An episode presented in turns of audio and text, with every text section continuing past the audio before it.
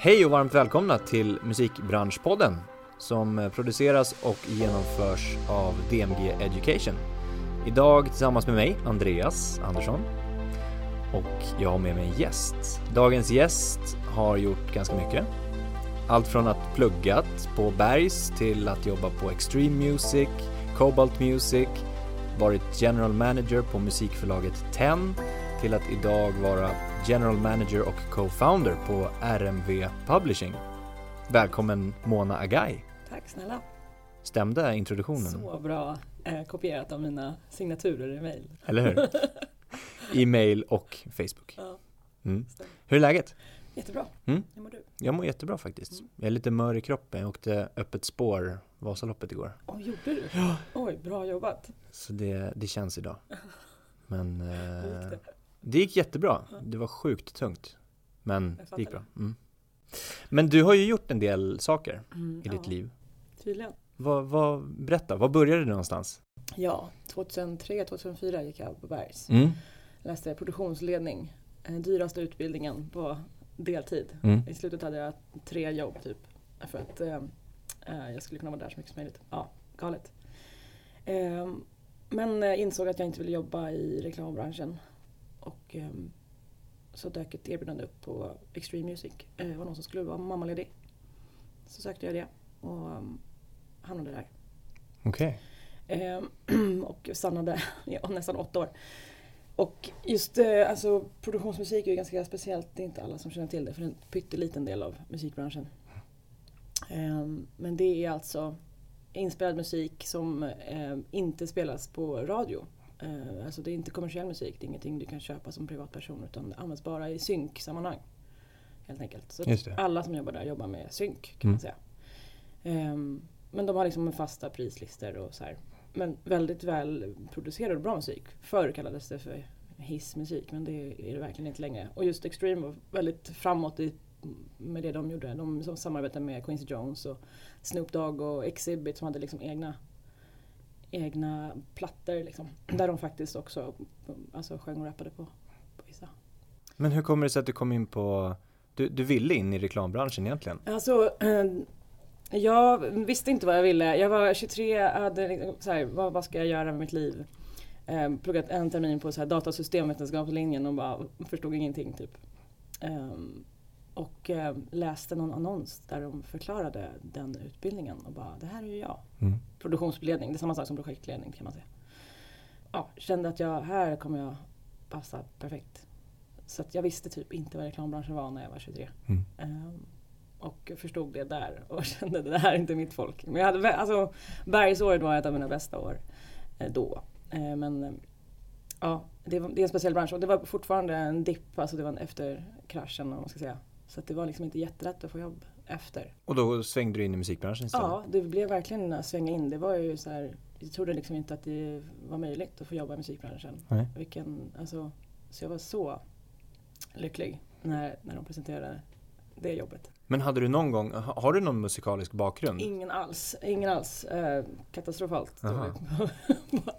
Ingen talang överhuvudtaget. Men eh, alltså såklart lyssnat på mycket musik och det var ju verkligen ett intresse. Är inte längre på något sätt. Nej.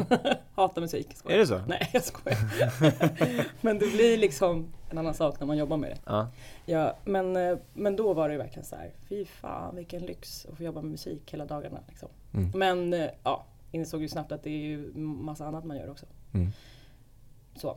Men under de åtta åren så eh, flyttade jag faktiskt till Oslo en sväng också och eh, startade ett Extreme-kontor där. Eh, och var där i, blev bara sju månader men det var mest för att jag var uttråkad och inte visste vad jag skulle hitta på. Och Mm. gjorde det. Och gjorde Norge till ett väldigt stort eh, territorium för, för det kontoret. Och sen kom jag hem och sen slutade jag strax efter det. Har du ändå liksom haft någon slags nytta av det du pluggade i dina nuvarande yrkesroller som du har haft i musikbranschen? Ja och nej, alltså det blir ju en, en ledarutbildning på något sätt. Att alltså, projektleda saker och det har jag ju alltid lärt att göra vid sidan av. Men på något sätt. Det, så, så det tog jag alltid på mig liksom. Framförallt så, ja, på alla jobb egentligen. Att så här, skulle det styras något så, så gjorde jag det liksom. Mm. Eh, så det var ju, men nej, annars inte kanske. Men sen, sen så gick du då, då jobbade du på Extreme Music i åtta år. Ja, det blev nästan åtta år. Och sen gick du över till Cobalt. Ja. Då um, kände jag um, Carolina Eriksson, ja, hon var konsult där, jobbade där halvtid. Och uh, det var bara hon och Johan uh, som var på det kontoret. Johan är alltså medgrundare också och Sverigekontorschef. Um, och de hade snackat om att de skulle öka och ut sitt liksom, team och framförallt synkperson. Så jag eh, sökte ett sånt jobb som inte riktigt fanns på kontoret då, som sagt utan det sköttes från London. Och, eh, och fick det. Mm. Så då blev jag den första anställda på det kontoret. Så då var vi två och en halv person mm. där på, i Fridhemsplan. Under, ja hur länge var jag där? Ett år, nio månader eller sånt. Mm. Trivdes du bra? Ja, så fina människor. Och eh, väldigt eh, kul att få vara del av en så stor så här, organisation på ett helt annat sätt. Men de var väldigt lika Extreme för de hade liksom kontor på samma platser och, och huvudkontor var på samma plats och liksom hela den det var liksom lite för likt. Jag trodde det skulle skilja sig mycket mer för att det var riktig musik jämfört med Extreme som mm. produktionsmusik. Men um, så det vart liksom lite för, jag var, vart inte utmanad med något nytt riktigt som mm. jag hade hoppats. Utan det var snarare att det var mäktigt med jäkligt mycket musik men det blev också lite så här Alltså man blir ju bäst när man jobbar med synk när man kan sin katalog liksom, mm. ganska bra. Mm. Och det tar tid innan man kan den bra. Eh, alltså det är jäkligt tufft att byta just synk. Mm. Eh, för att, ja, just därför.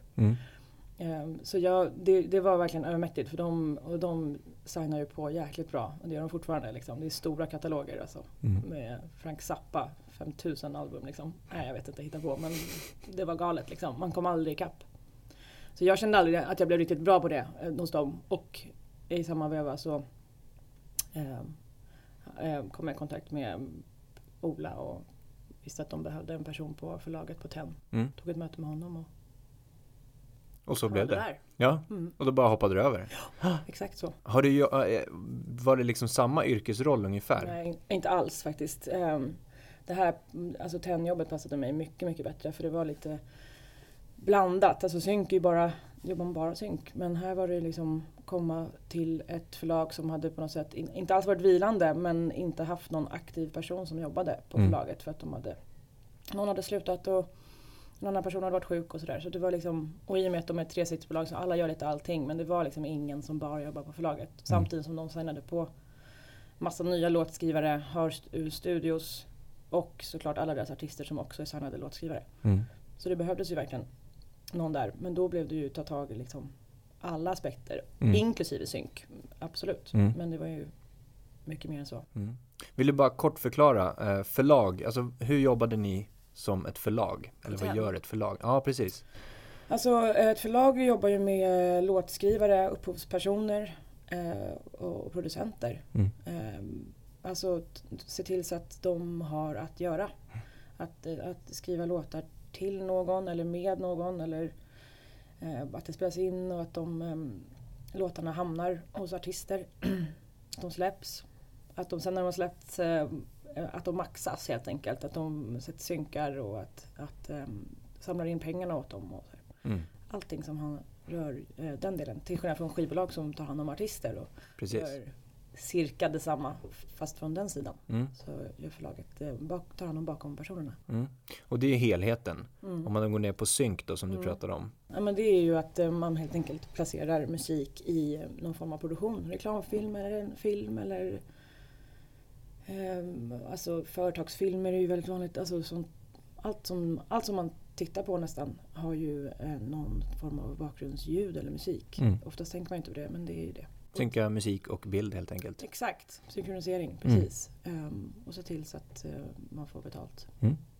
Kul! Mm. Ja, det är ju ganska många aspekter där också. Alltså på ett stort ja. förlag så delar, kan man ju dela upp eller har de ju börjat dela upp det så att det är någon som egentligen bara har kundkontakt och liksom um, och, och säljer in tjänsten så att säga och, och sen är det någon annan som letar fram den passande musiken till de, deras produktioner och en tredje som förhandlar mellan liksom, kund och deras artister eller låtskrivare då, som äger rättigheterna. Så det är ju många fler steg i den kommersiella musikdelen ehm, än vad det är på till exempel produktionsmusik. För mm. där är det ju redan för um, förförhandlat man säger så. Utan upphovspersonerna de säljer inte sina rättigheter men de typ gör det. De får ju hela tiden pengar för det varje gång det säljs. Men de avsäger sig liksom rätten att här, tycka till om varenda synk. Mm. Till skillnad från om du är en artist eller låtskrivare. Då måste du ju du måste tacka ja eller nej varenda gång du får frågan. Precis.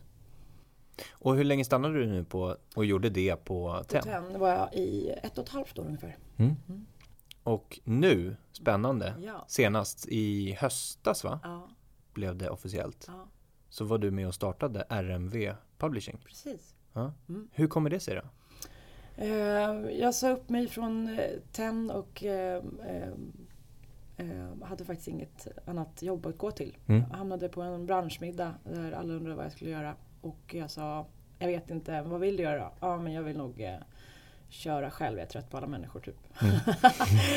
eh, och varpå en tjej sa, jag har nog det perfekta jobbet till dig. Och eh, visade sig att eh, hon hade varit i kontakt med eh, Ludvig Andersson som är Benny Anderssons son. Eh, som hade kommit på idén att han ville starta ett förlag Mm. och hade pratat med henne men hon ville inte eh, byta jobb. Och eh, satte oss i kontakt helt enkelt. Mm. Och på den vägen är det. Och vems liksom, initiativ var det? Det var Ludvigs eh, idé? Eller, ja, liksom? alltså vi hade ju samma tankar samtidigt då. Jag visste Ja, bara ja, inte vad jag skulle göra med dem. Eh, precis. Eh, så att eh, när han hade kommit på den idén när han var hälsade på Lale i hennes studio i LA typ. Mm. Eh, och bara blivit inspirerad och kände att han ville skapa något liknande hemma. Typ. En härlig studioplats där det finns ett gäng låtskrivare och musiker som kan jobba ihop. Typ. Mm. Och lite samma tanke har jag egentligen. Att det behöver inte vara, det ska inte vara så stort. Vi behöver inte liksom köpa massa backkataloger eller em, ja, utan vi kan bara signa några få, en handfull och jobba tajt med dem under ganska nice förutsättningar. Så det är det vi försöker göra nu. Kul! Ja, superkul. Det, ja, det går sakta men säkert framåt. Ja. Är det mycket sådär i, starten? Ja och nej. Alltså det finns ju ingenting att ta tag i. När jag började på TEN då var det ju liksom, låg, jag, då låg allting så efter. Alltså, jag var tvungen Mhm. att ta hand om saker bakåt och framåt och det fanns massa låtskrivare som satt och väntade på att jag skulle börja jobba med dem. Mm. Stor skillnad till att komma till någonting där det fan- fanns ju ingenting. Du får Alltså, skapa dina egna uppgifter helt enkelt. Exakt. Och det är ju, alltså, ja. Det gäller ju att hitta låtskrivare eh, och jag måste vara ganska kräsen för att vi ska bara ha ett, ett, en handfull liksom, till Mm. början. Ehm, och ehm, dels det samtidigt som bolaget fanns ju inte. Um, vilket gör att det inte, inte några andra, alltså folk skickade inte in demos per automatik och sådär. Sen, ja, ja och nej fan- fanns inte. Alltså RMV-bolagen finns ju eh, och Benny Andersson har ju såklart en massa bolag, bland annat sitt egna som heter Mono Music som är hans musik. Mm. Eh, både förlag och skivbolag. Men, men just så här RMV Publishing fanns inte. Nej. Eh, men RMV, RMV Grammofon som ett skivbolag finns. eh, och Film som ett produktionsbolag. Och eh, studion, alltså Riksmixningsverket, själva den stora studion som går att hyra idag. Mm. Just det.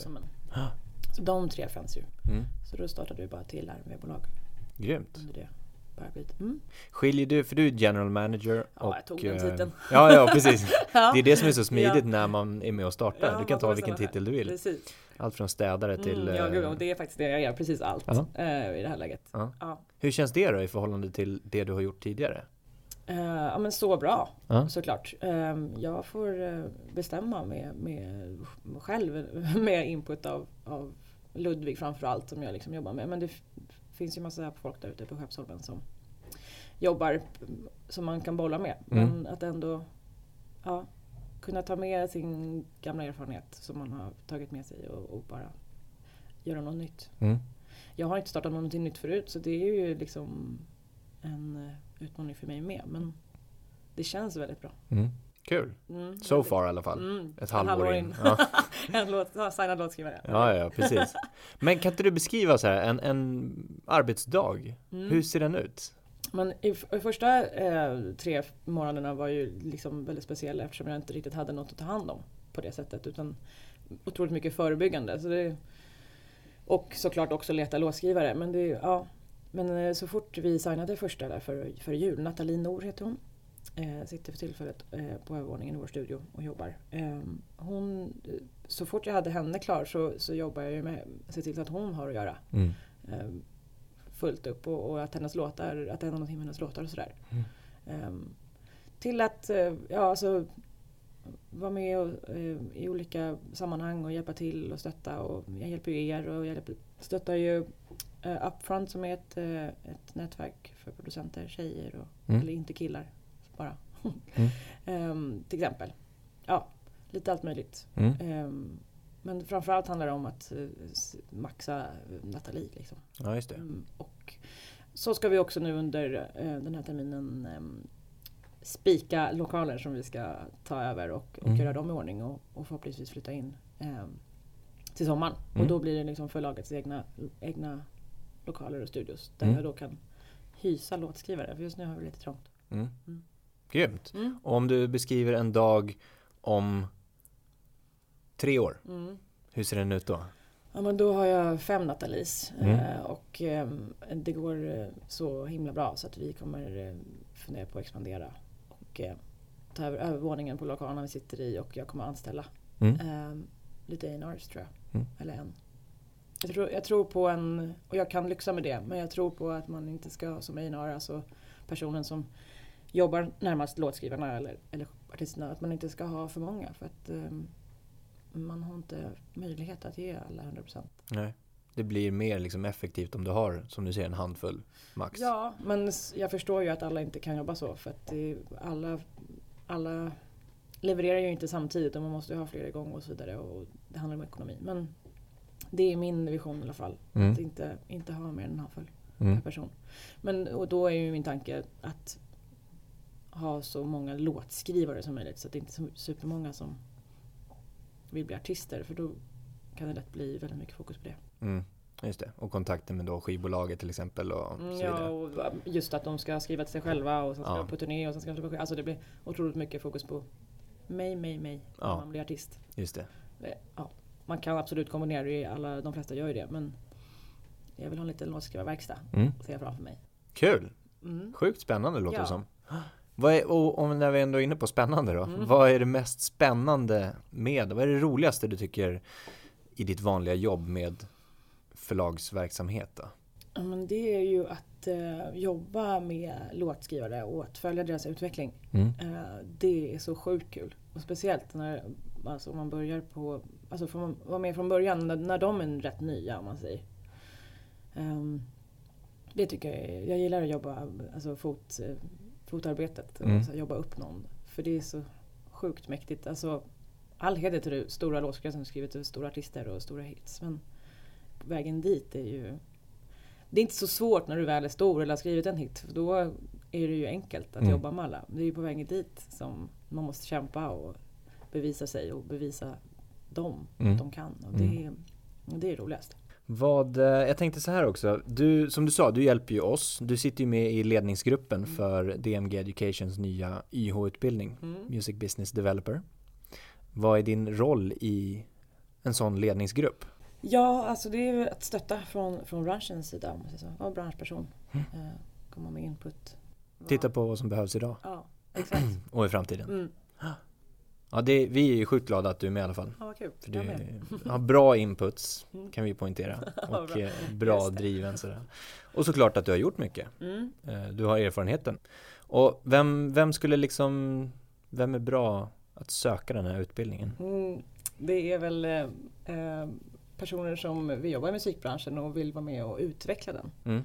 Eh, vara innovativ och komma på nya eh, infallsvinklar och tankar och idéer om hur man ja, utvecklar branschen helt enkelt. Jag tror att vi är på något sätt en ganska mossig bransch. Mm. Många är kvar väldigt länge. Jag har varit med redan 12 år. Hjälp! Fast jag är 22. Skoja. men, Men du är inte mossig. Det är Nej, det som är tack. huvudordet. Ja, men tack. Eh, nej men så, jag tror att det, det, det kan lätt bli mossigt när, när folk eh, ja, gör som... Men samtidigt är det också en bransch som utvecklas hela tiden. Och Mm. Den är ju... mm, Den fattar ju att den måste utvecklas. Men jag tror att det är bra med nya, nya inputs och nytt folk också. Det börjar hända saker såklart. Men, Mm. Ja, för det rör sig ju lite hela tiden. Mm. Alltså den ena, det ena året är ju inte det andra likt Nej. om man tittar på musikbranschen.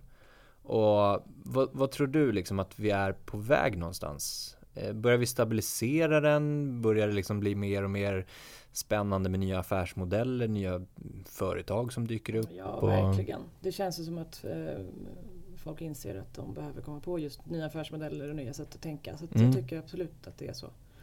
Ehm, men det känns som att det är mer mycket sånt på skivbolagssidan, Mm. tänker jag. Men också förlag på något sätt. Det, det händer ju saker hela tiden vad det gäller eh, den biten. Mm. Bara Cobalt är ett sånt bolag som är rätt ungt, vad är de, 12-15 år. Men i, i sitt, de, är ju, de var ju helt nya med vad de gjorde. Mm. Men om du tittar på så här, ja men som vi sa, skivbolag, Mm. det är där det kommer hända mycket. Mm. Vad blir ett skivbolags roll Ja. framöver? Kommer det vara ett skivbolag eller musikbolag? Mm. Och det blir Ja. många som gör mer och mer 360 till Mm. exempel och så. Vad, Ja. vad tror du vi kommer landa? Ja, gud vad svår fråga. Men absolut, ja, stora förändringar kommer absolut ske. Det kommer inte vara det traditionella. Eh, Men redan idag har de ju, erbjuder de ju väl olika modeller beroende på vad man vill ha, Mm. vad man vill ha hjälp med. Ehm, och samtidigt som folk... Um, därför att ganska många startar sina egna bolag och sen behöver de bara lite hjälp från skivbolagen. Just det.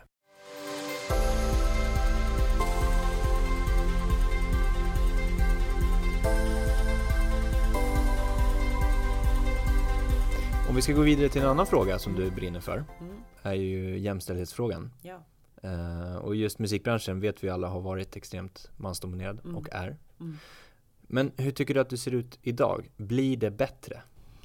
Eh, Det beror på vad man eh, tittar på för nivå. Alltså pratar vi VDs så är, är det absolut inte bättre. Det är liksom ganska stabilt tror jag. Vi tittade på förlagsbranschen här förra veckan och av eh, 70 registrerade förlag på eh, musikförläggarna så är det liksom inte ens fem som är kvinnliga VDs. Mm.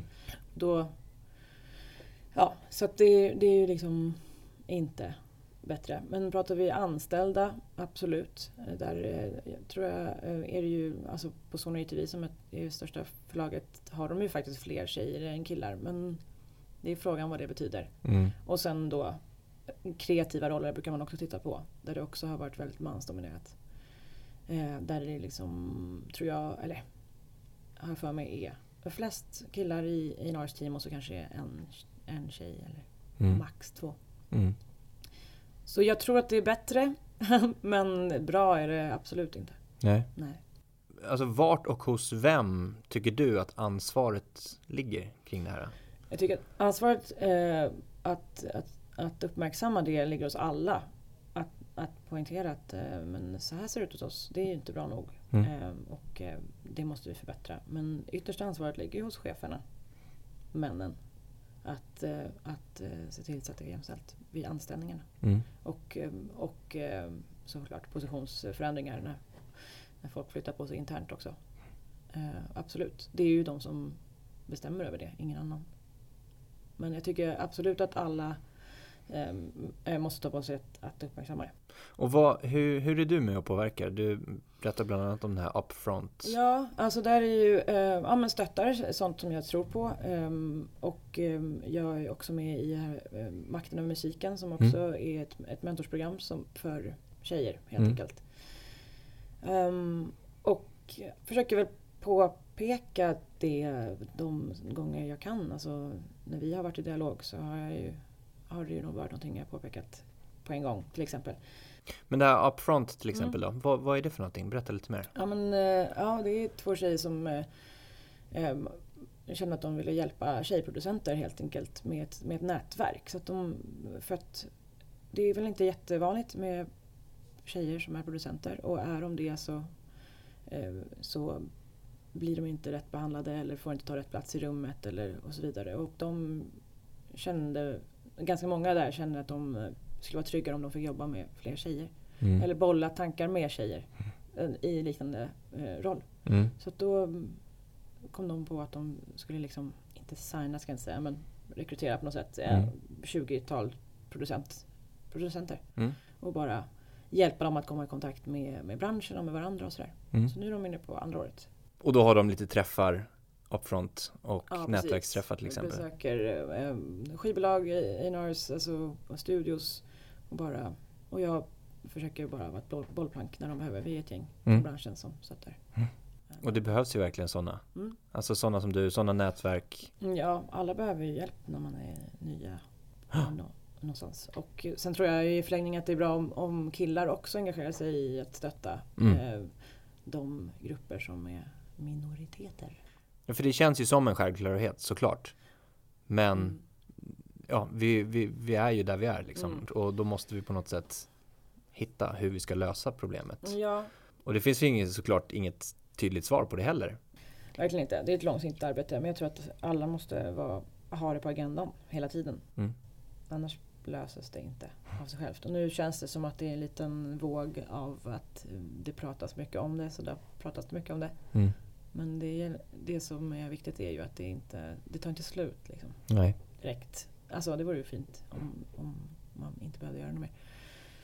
Men som Musiksverige gör ju just nu en stor eh, eh, koll eh, i hela branschen. Alltså hur, hur det ser ut. Och eh, kommer presentera det lite längre fram framförallt för bolagschefer. Mm.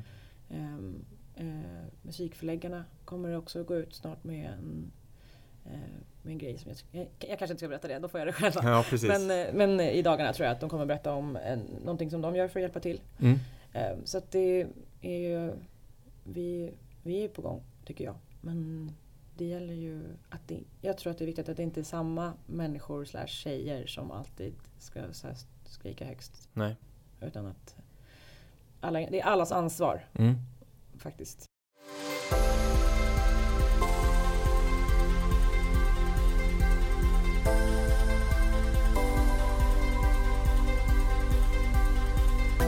Jag tänkte så här, lite ehm, tips Mm. till sådana som lyssnar. Mm. Som kanske är intresserade av att ta sig in i branschen. Alltså de är lite intresserade av musik och liksom vad som händer kring branschen. Eller har ett brinnande intresse för musik. Eh, att spela, sjunga och så vidare. Mm. Eh, men ändå är intresserade av den här businessdelen. Mm. Skivbolag, förlag eller vad det kan vara. Vad, vad skulle dina tips vara? Du, om du får säga tre tips Oj. Kring alltså det här Alltså att ta att- sig att- in ta sig och in, skapa men- sig någonting. Absolut eh, kolla in era utbildningar. Ja. Partiskt. Eh, såklart. Det tror jag är eh, utbildningar överhuvudtaget som har en bra eh, förankring med branschen. Det Mm. finns ju flera. Det är inte bara ni. Eh, där ledningsgruppen är från branschen eller där, där, där man har eh, gästföreläsare eller vad det nu må vara. Så då får man också en bra väg in på något sätt. En kon- kontakter. Mm. Det tror jag det är alltid viktigt och bra. I vilken bransch som helst egentligen. Bra. Utbilda tips, sig. eller? Nej, det var ett. det var ett. Det var utbilda sig. Ja, ehm, och sen eh, läsa på, hålla sig uppdaterad. Mm. Eh, läsa alltså branschutskick, musikindustrin, musikförläggarna, FB, STIM. Alltså hålla sig, eh, hålla koll på vad som händer. Och de, var svenska förstås. Finns det ju ett gäng utländska också. Och tredje, ja men försöka eh, praktisera Mm. på bolag som är intresserade. Men också ta reda på mm, de olika bolagen, vad de, vad de gör. Alla är ju olika, det finns ju otroligt många. Precis. För det blir svårt att utbilda, alltså lära sig utbildning. Bara. Liksom vad alla företag gör. Mm. Ja, det skulle man ju precis. kunna täcka en hel utbildning kring och bara ja, titta på verkligen, inte. de respektive.